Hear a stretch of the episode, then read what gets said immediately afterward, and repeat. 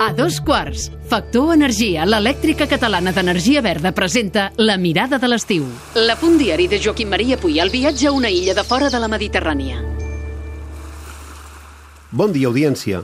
Avui fixem la mirada en les illes de Cap Verd, una república insular situada a gairebé 600 quilòmetres de la costa africana just al davant del Senegal. Aquestes illes estaven deshabitades fins al segle XV, quan hi van arribar els portuguesos. La superfície total de les 10 illes és una mica superior a la de Mallorca. L'any 1975 es van independitzar de Portugal. La població autòctona parla criolo, una variant local del portuguès que n'és la llengua oficial. Que mostraves caminho longe, que mostraves caminho longe, és caminho per Santo Tomé. Cisària Évora és la veu de Cap Verd i Sodade un dels exemples més representatius de la veu de la diva coneguda pels peus descalços. Quan vaig ser a Cap Verd fa set anys, la veu d'aquesta dona se sentia per tot arreu. Em remetia al fado, però tenia alguna cosa del color i l'olor dels bars de Mindelo. Allà és fàcil escoltar música en directe, sobretot de cara a vespre. Vaig viure-hi dies plens de llum i vaig veure-hi gent humil que m'observava com el turista que no vull ser. Vaig fruir de l'arribada de petites embarcacions de pesca a Porto Mosquito, que convertien la rutina diària en una festa en què criatures mal vestides amb colors llampants xipollejaven entre les barques. Vaig veure les restes de l'empremta del tràfic d'esclaus que va ser amb el carbó una de les fonts d'ingressos de l'illa per la seva condició de pas obligat des de l'Àfrica fins a Amèrica.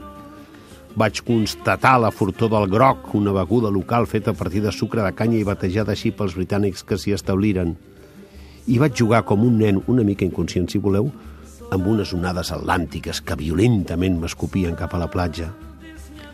Una de les coses que no oblidaré d'aquell viatge és un episodi que vaig viure a l'illa de la Sal. Després de circular una bona estona per pistes de terra i pols, en un punt determinat, l'home que em portava en cotxe es va aturar. Em va fer baixar i em va demanar que mirés en una direcció determinada.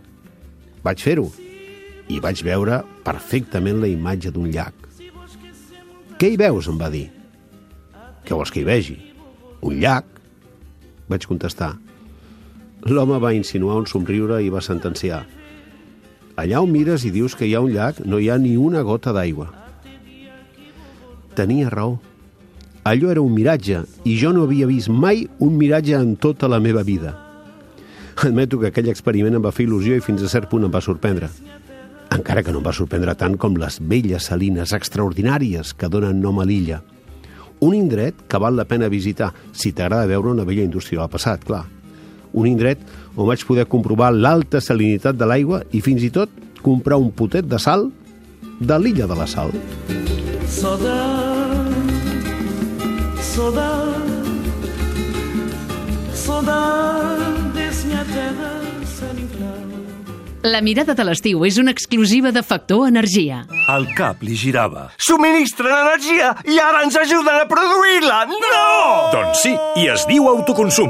Instal·lació, finançament i autoconsum compartit. Comunitats de veïns, unifamiliars i empreses. Benvinguts a la revolució energètica. Factorenergia.cat Per fi hi ha un altre llum.